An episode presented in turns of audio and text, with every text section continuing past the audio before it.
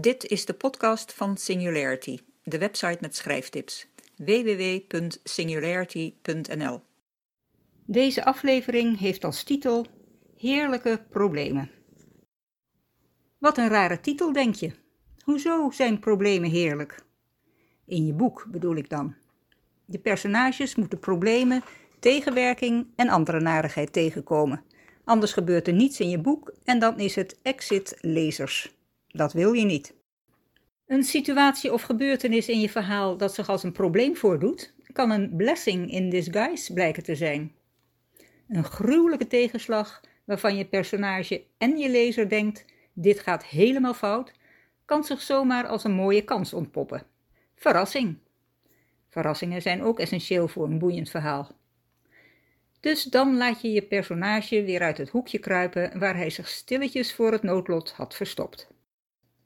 Voorbeeld: Je heldin zit volkomen aan de grond en haar rest niets anders dan bij haar aan alcohol en drugs verslaafde moeder in haar onbewoonbaar verklaarde krot in te trekken. De laatste keer dat ze haar moeder sprak, jaren geleden, stond ze op voet van oorlog met haar. Dus dit kan beschouwd worden als het dieptepunt van haar leven. Wat blijkt als ze daar tussen de ratten en muizen en de lege flessen zelfgestookte drank zit? De man die haar en haar moeder uit de woning komt zetten, valt als een blok voor haar, ondanks haar groezelige lompen en ongewassen haar. Ah, dat moet wel echte liefde zijn. Hij redt haar op zijn spreekwoordelijke witte paard en helpt en passant ook haar moeder van haar verslavingen af, zodat moeder en dochter elkaar snikkend in de armen vallen en vrede sluiten. Too much? Nou ja, je snapt de essentie. Dit voorbeeld is nogal ouderwets en boeketreeksachtig, maar het gaat om het idee. Nou moet die blessing natuurlijk niet als een deus ex machina uit de lucht komen vallen.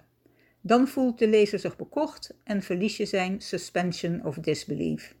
En dat is de doodsteek voor je boek. Verrassingen zijn prima, maar moeten wel geloofwaardig zijn en gerelateerd aan ontwikkelingen eerder in het verhaal. Ideaal is als je lezer denkt: ach ja, logisch.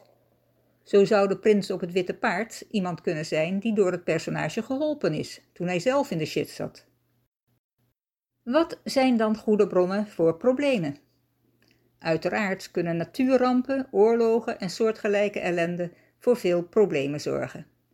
Maar mensen zijn interessantere oorzaken van problemen. Niemand is perfect, ook aardige mensen hebben zwakheden en karakterfoutjes, net als je protagonist. En dan zijn er ook nog doortrapte rotzakken, al dan niet vermomd als een suikeroom. Voldoende ingrediënten voor een heerlijk probleem. Mensen die hebzuchtig zijn, zich anders voordoen, liegen uit angst of omdat ze het leuk vinden, obsessies hebben, arrogant, ongeduldig of wreed zijn, vooroordelen hebben, overmatig koppig zijn, jaloers zijn of fanatiek, humeurig, oppervlakkig, manipulatief, gewelddadig, egoïstisch of verwend. En nog veel meer kleine en grote slechte eigenschappen. Allemaal prima aanstichters en aanjagers voor plots en misverstanden. En nog een goed van pas komende eigenschap van karakterimperfecties. Ze maken personages menselijk en kunnen van een plat personage een gelaagd personage maken.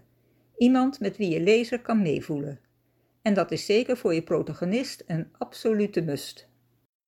Ter info, in het artikel op de website vind je linkjes naar artikelen waar je meer over conflict, personages en meer kunt lezen.